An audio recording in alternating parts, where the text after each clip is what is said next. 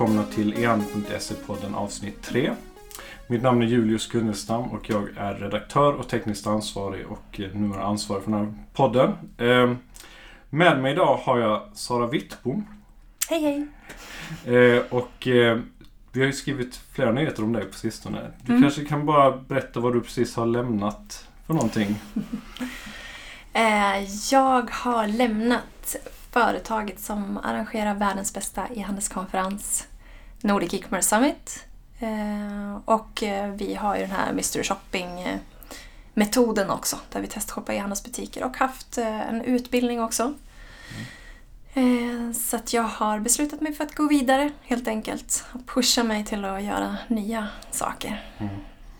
Jag tänkte komma in på det lite senare, men vi kan ta det nu. Det här att många e-handlare är nog vana att se dig två gånger om året, eller vad det blir nu, och liksom på scenen på NEAS. Och eh, man ser kanske inte vad som händer i bakgrunden, som du berättar nu, Mystery Shop och så vidare. Kan du bara, vad händer resten av året mellan de här eventen? Jag gissar att mycket går till att planera eventen, men vad händer mer än så? Ni, måste, ni gör andra grejer också. Alltså vi testshoppar ju tre månader. Sitter vi ju inför julhandeln och testar 100 nordiska e-handelsbutiker. Och sen när vi har testshoppat då sitter vi ju typ två månader och utvärderar och gör material. Eh, och det är ju väldigt mycket det som är ryggraden också i vad vi tar upp på e-handelskonferensen och vad vi skriver om. Och, eh, och sen också eh, vi har väl varit lite kända för att vi kanske inte tar upp de allra superhetaste trenderna på konferensen utan mer vad är det som inte funkar här och nu och vad kan vi bli bättre på och vad har vi sett för eh, saker som kan bli bättre vad det gäller just försäljningsmässigt och sånt. Och det har väldigt mycket med, med just den här testshoppingen att göra.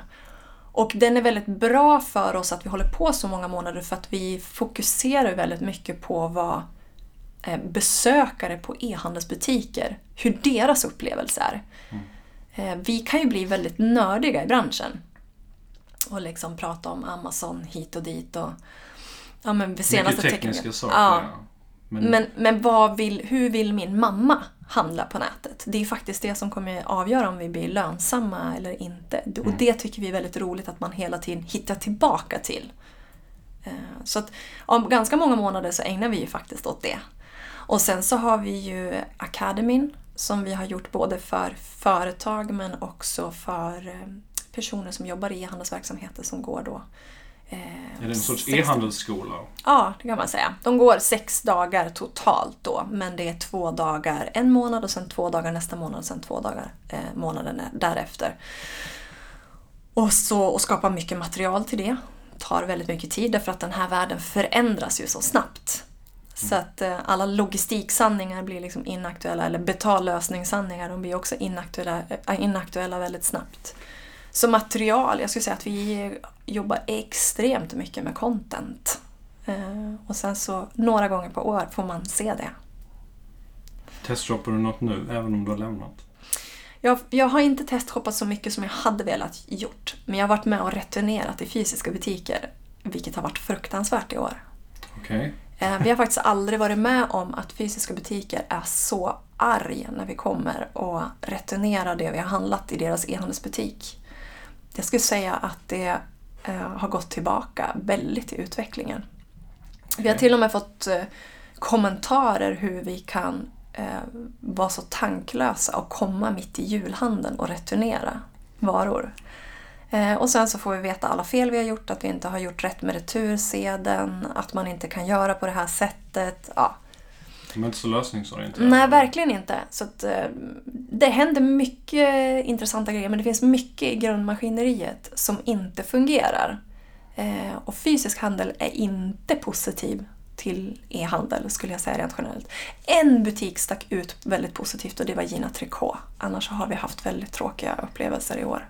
Vi har länge känt det här att eh, när vi skriver om e-handel och så vidare att det verkar vara väldigt svårt att gå från fysisk butik Mm. till e-handel Mm. för dem. Nej men det är många, eh, eller flera, som har historiken i postorder som har sagt att det var väldigt svårt också att få personal som var duktig på postorder och anamma e-handel. Mm. Vilket också är intressant. Ja, det är att man, väldigt som, som, vad var det, Ellos va? Nå, nu kommer jag inte som, ihåg vilka det som var. Men, sparkade jättemycket folk för Ja. de ville ha in digital kompetens. Så de bytte ut arbetsstyrkan. ja, Och då tänkte man innan det hände att herregud, postorder det är väl typ som e-handel fast... precis. Men tydligen inte. Nej, Nej, och det har jag tyckt varit så intressant för där är ju tyska marknaden är ju väldigt lik vår på det sättet att de har väldigt traditionell liksom, postorder och distanshandel. Man sitter, man, på sajten har man liksom ett headset med en mikrofon. Eh, men, men vi har inte lyckats lika väl som dem att göra om vår postorder tycker jag till e-handel. Utan det, förändring gör ont. Ja. För und, jag undrar om inte vi skandinaver är lite väl nostalgiska också. Vi ska gärna jämföra med fysisk handel och vi ska jämföra med postorder och sådär. Mm. Istället för att om vi bara suddar ut det och funderar så här, om e-handel skulle bara uppfinnas nu och vi inte hade några andra kanaler, vad skulle vi göra då? Då tror jag vi skulle vara betydligt mer kreativa eh, och vara bättre på att fokusera på liksom vad, vad konsumenter skulle kunna Men eh, är, ta inte, för är inte verksamhet. det de e-handlarna som öppnar väldigt många butiker nu dock försöker göra? De försöker återuppfinna butiken. Mm. Känns det som. De vill i alla fall prata med att alla... Och om inte det så försöker de hitta lösningen. Alltså de försöker experimentera väldigt, väldigt mycket. Mm. Nu öppnar ju till exempel Gent som en sån här herrbutik. Eller säljer produkter till män, Mm. rakning och sånt. Och eh, när de öppnades, öppnar sin nya butik nu på Väla här i Helsingborg så Ja, alltså de, de experimenterar. Mm. Det, de vet knappt om det här kommer fungera. Nej. Det känns som att de bara, ja vi testar det här och det här och så Mm. får vi se hur det går liksom.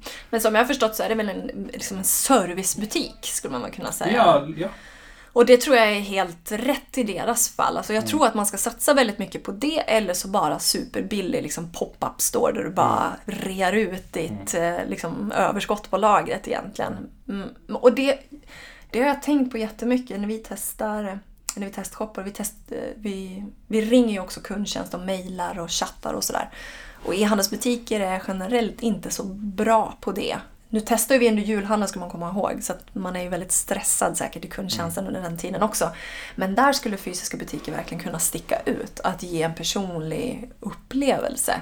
Mm. Eh, är förvånad över att inte fler e- liksom, fysiska butiker verkligen vad kan vi göra bra istället för att säga att e-handeln och köpcentren tar död på dem. ja.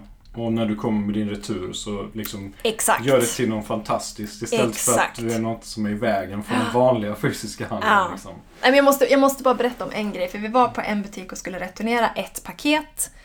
Eh, och till saken hör att jag skulle köpa en kostym vid samma tillfälle och skor. Så jag handlade för 6000 kronor, vilket är hur mycket pengar som helst. Och så returnerade jag paketet och jag fick nästan en utskällning. De ville knappt ta emot paketet. Alltså jag var ju redan där och en lönsam kund. Mm. Men att jag skulle returnera i fysisk butik tyckte de var jättejobbigt. Det var till och med så att en annan expedit i butiken fick säga åt hon som skulle hjälpa mig med det här. Ja. In, inte Omni-kanal Nej men verkligen inte. Herregud, ja. Ja. Ja men det är väl, det, jag tror andra pratar om det också, att få de här butiksanställda också att förstå liksom hela upplägget, Mm. att det, det är värde i det här liksom. Men Precis. det, ja. Och att, att det verkligen eh, är någonting positivt att få träffa en människa. Mm. För i de här fallen när man får en sån här utskällning, man dessutom har köpt för så mycket pengar, så känner man att man vill ju aldrig gå till en butik och ta hjälp av en person igen. Nu vill jag ju bara sätta mig bakom skärmen. Ja, ja. Eh, så ja, Mm. det var en parentes. Yes. Ehm, är det något speciellt minnesvärda ögonblick från det här eventet, de här, det är sex år det blev? Mm. Så något som du minns som står ut? Ah, det, är så, det är så Det svårt. är många olika grejer. Jag har fått den här frågan och det- det är så många saker. Men eh, jag, ska, jag tyckte att det var fantastiskt när Joel och Anton var med. Det var en väldig revansch för mig. Det var många leverantörer då som kommenterade vad de skulle göra på scenen. Det verkar ha gått bra för dem nu. Det har ju gått jättebra, så att jag säger vad var det jag sa som jag skrev i artikeln. Mm, det är fantastiskt roligt. Sen kommer jag såklart ihåg Gary Vaynerchuk och Jimmy i soffan. Jimmy Öström från Blekinge då. Och sen så kom jag ihåg Ticktail när de lanserade sin, eh, ja, men sin plattform. Mycket för att de, tårarna rann ju på dem. Det var ju bara jag som såg det förmodligen från scenen. Eh, jag kommer ihåg när, Sebastian Sematkowski lanserade Klarna Checkout. För han var så arg på mig innan. Att, att han inte... Ja, men han, han hade jobbat extremt mycket och han ville presentera på ett visst sätt och jag tyckte han skulle göra det på ett annat sätt. Men vi kom ju överens och jag tyckte att det blev jättebra. Men det kommer jag ihåg av den anledningen. Annars har ju Sebastian varit fantastisk på att ställa upp på allt spektakel som vi har ställt till med. Eh, och sen så kommer jag ihåg Jabong. Eh, var ju med första året i Malmö. Indiska eller? Precis, det är ju Salando fast eh. Mm i Indien. Och han är ju så känd i Indien så han kan ju inte gå ut på gatan. Och så kommer han hit och så skulle vi hämta upp honom. Jätteförsynt man. Och det var ju kallt i november. och så skulle han med på en middag dagen innan med oss då. Och efter ett glas vin så pratade han. Och berättade så mycket fantastiska historier om hur de hade byggt och liksom hur han hade kommit från ingenting och fått vara med på den här resan. Och hur de hela tiden är på tårna till liksom ny teknik. Och så här. Men det finns många minnen som jag liksom eh, ja, som, har, som har varit fantastiska. Jag, och jag, jag måste säga det att jag har ju liksom... För det första har jag ju träffat min man genom eh, konferensen. Eh, och de flesta vännerna som jag har idag är ju tack vare konferensen. Så det här är ju en stor del av mitt liv. Liksom. Eh, förutom alla kollegor då som står mig nära. Så att, nej men eh, sex fantastiska år som jag är så tacksam för. Hur ska du klara dig utan evenemanget? Alltså jag tänker så här, åh jag ska få vara med och uppleva, få uppleva en vår och en höst. Mm. Det har inte jag gjort på sex år för jag har jobbat dygnet runt. Det är faktiskt sanningen. Ehm, så att det är bra att ehm, ta bort snuttefilten tror jag. För då måste man komma på nya saker att göra. Eh, sen har du också skrivit en debattartikel efter du meddelade det här att du skulle lämna. Ja. Och den eh, har ju tagits emot med blandade känslor. Ja. Eh, du skriver där, ingen tar Jannes parti när det blåser. Jag måste ju fråga, vem ska ta Jannes parti? Vem, är det, vem skulle du vilja ställa sig på barrikaderna och försvara e-handeln när det blåser? Alltså jag tycker ju egentligen att det finns ganska många aktörer som skulle kunna göra det. Men framförallt så skulle jag ju vilja att vi hade en branschorganisation som, som tog parti. Och, och det handlar inte om att vi inte ska kunna ta kritik. Det vill jag vara väldigt tydlig med. Självklart ska posten få höra när de slarvar bort paket. Um, och, och det tror jag att Posten är helt, eller Postnord är helt med på också. Klarna också. Um, men när ett mediedrev redan går och det är så ensidigt så är det någonting som inte är bra för branschen. Då måste någon komma ner och sansa diskussionen kan jag tycka. att Ja, det här var inte bra. Det borde vi jobba med och det ska vi se till att hålla ögonen på nu och vara, stötta den här aktören med. Eh, men det finns också den här sidan som inte tas i beaktande.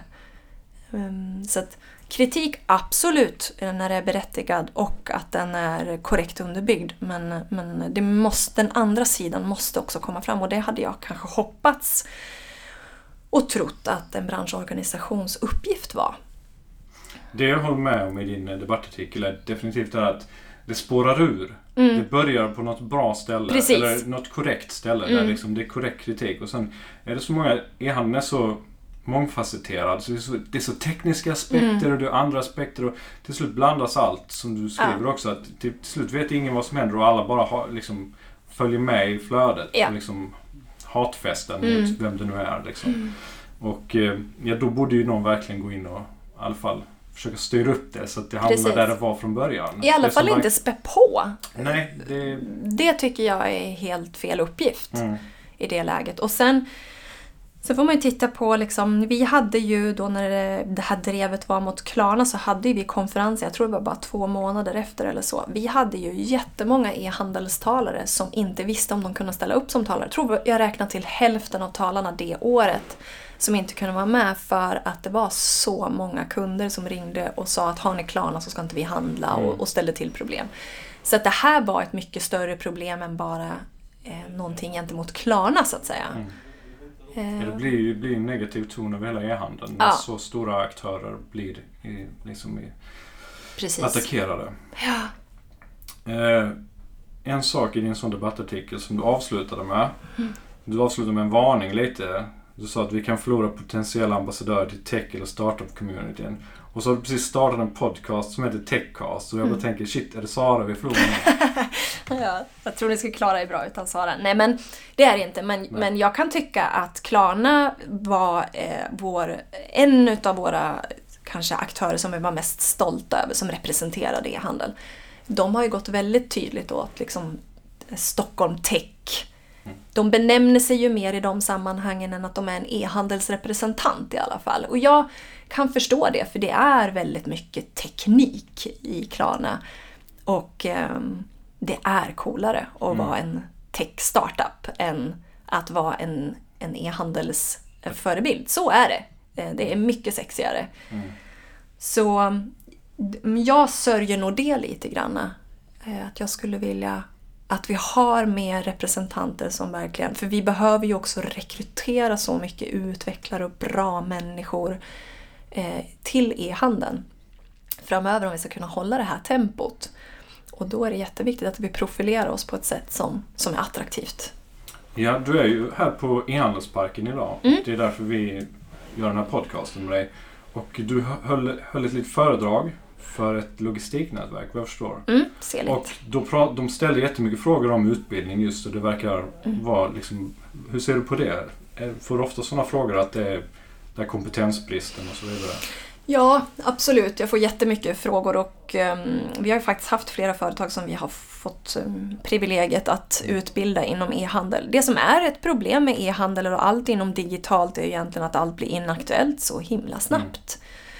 Jag tänker på att ert företag heter ju Nordic E-commerce Knowledge. Mm. Så det är liksom... Mm. Ni sprider kunskap och ni har delat ut priser liksom kring Mm. kunskapsspridning och så vidare. Mm. Och hela e-handel.se också. Det känns som att vi lever och finns liksom på grund av att det finns det här kunskapsbehovet. Precis. Men det måste spridas ut i samhället mer Mm. nu när e-handeln växer och växer. Liksom. Ja. Och sen så tror jag också att vi behöver vara mer medvetna. Jag menar, e-handelsföretag de är ganska medvetna om att de behöver hålla sig ajour med liksom kunskap och, och fortbilda sig hela tiden därför att de vill tjäna mera pengar. Ehm, och för 2010 kan jag säga att då var ju leverantörer betydligt mer kunnigare än vad e-handlare Men det där har ju svängt. Så jag skulle säga att behovet framöver är ju att leverantörer måste bli bättre på att bli mer generellt kunniga på e-handel. För att glappet där, en sån klassisk sak, de säger men varför kommer inte e-handlare fram och pratar med oss på konferensen? Ja, men ni måste visa att ni är en spjutspets inom ert område. Eh, Det måste finnas en anledning till varför e-handlare ska ta kontakt. Och Det känns som att det är de leverantörerna som får bäst gehör också. Exakt, och som är, de som är generösa också med det. Man är ju så rädd hela tiden att konkurrenten ska kopiera bara för att man säger för mycket. Ja. Men så är det ju inte eh, rent krasst. Eh, Så jag tror att ehm, hela tiden vara lite orolig att man inte hänger med rent kunskapsmässigt. Det är nog ganska nyttigt. Mm. För eh, det händer så mycket i den här världen. En annan sak du sa i, i vår intervju med dig var att eh, Ja, du sa att du skulle spendera lite mer tid med familjen nu när du Mm. lämnar och så att du också var lite, jag vet inte om jag säger missnöjd, men du tycker att e-handeln skulle ha kommit li, lite längre vid det här laget. På olika sätt. Skulle du vilja utveckla det? Vad är det du menar med att liksom, har vi inte, vad är det vi skulle kommit längre med? Nej men alltså jag, jag har väl varit glad att det inte har kommit längre. Men det har ju gett oss jobb så att säga. Så det har varit bra.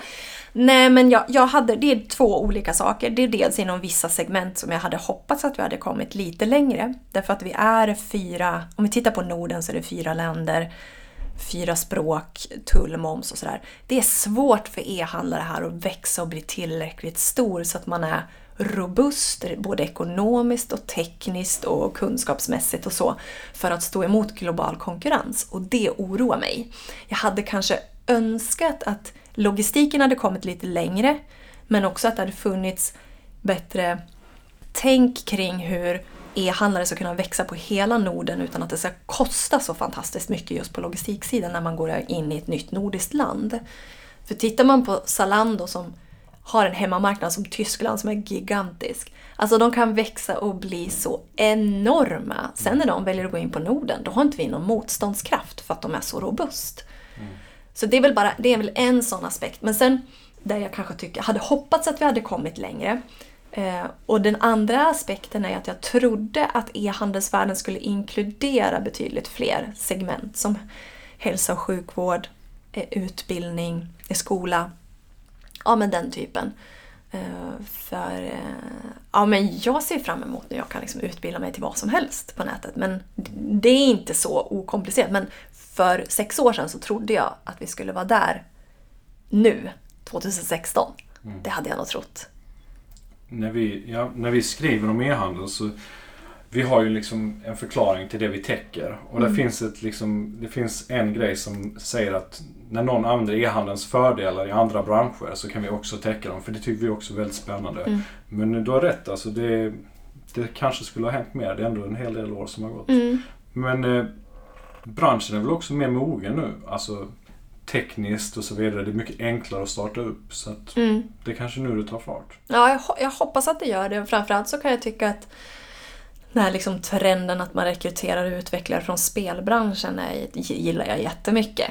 För jag tror att vi kommer se väldigt mycket spännande lösningar. Och, och, och, den här diskussionen vi har haft att man ska så snabbt igenom kassan och ut och så. Jag tror att det kommer lite grann en motreaktion till det som spelvärlden kan addera där. Hur får vi besökarna att faktiskt vilja vara på sajten och spendera mm. tid där, inte bara klicka på varor. Liksom. Och den, ja, men jag tycker att det är en attraktiv tanke. Sen kanske jag har fel i det.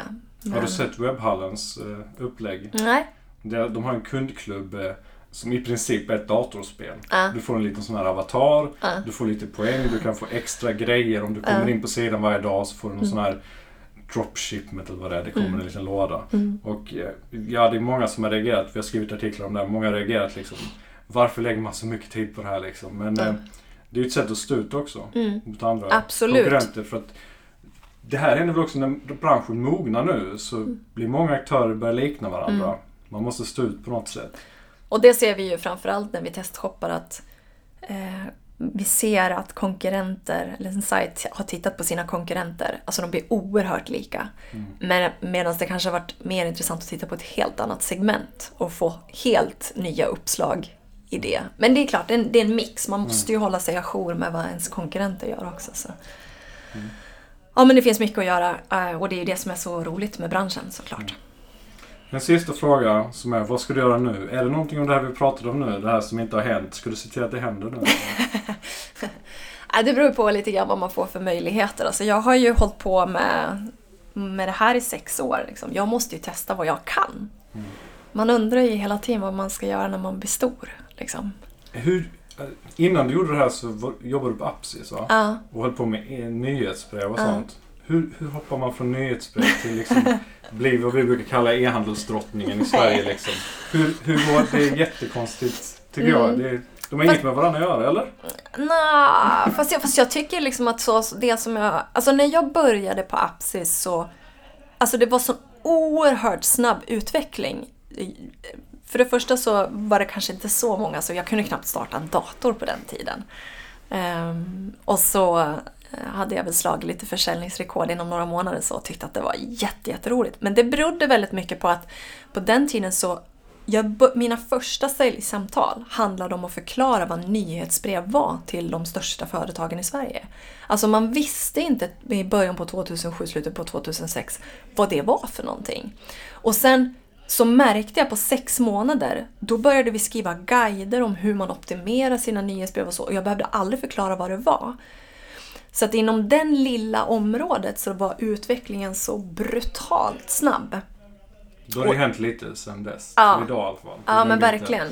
Och sen så var det ju på e-handelsföretagen som naturligtvis skickas oerhört mycket mail. Det är ju inte bara nyhetsbrev, det är ju inlogg på lösen, det är liksom mm. bekräftelsemail. Ah, det är hur mycket som helst, kundtjänst, mail. Alltså, så jag tyckte att vi fick beröra väldigt många områden inom e-handel just på mailsidan. Så att jag, ja, jag, jag blev väl kär helt enkelt. Så vad ska du göra nu? Du måste avslöja. Nej men sanningen är att det är inte helt satt helt enkelt. Nej. Så um, jag kommer att... Um, Fira jul först kanske? Ja, så kommer jag vara mamma framför allt. Ja. Uh, till en liten bebis och en 15-åring som jag har där hemma. Och Bra mix. Så, ja, jag födde nannyn först. Nej men, uh, Så att, ehm, och eh, det känns väldigt bra att jag kan vara det stödet med tanke på var min man jobbar någonstans som har väldigt hektiskt under julhandeln. Eh, Så får han fokusera på det. Ja, jag kan bara säga för vår del att jag hoppas att du är kvar i e-handelns värld på något sätt. Ja, tack. Ja. Vi kan väl säga hej då till alla Hej då. lyssnare. Hej hej!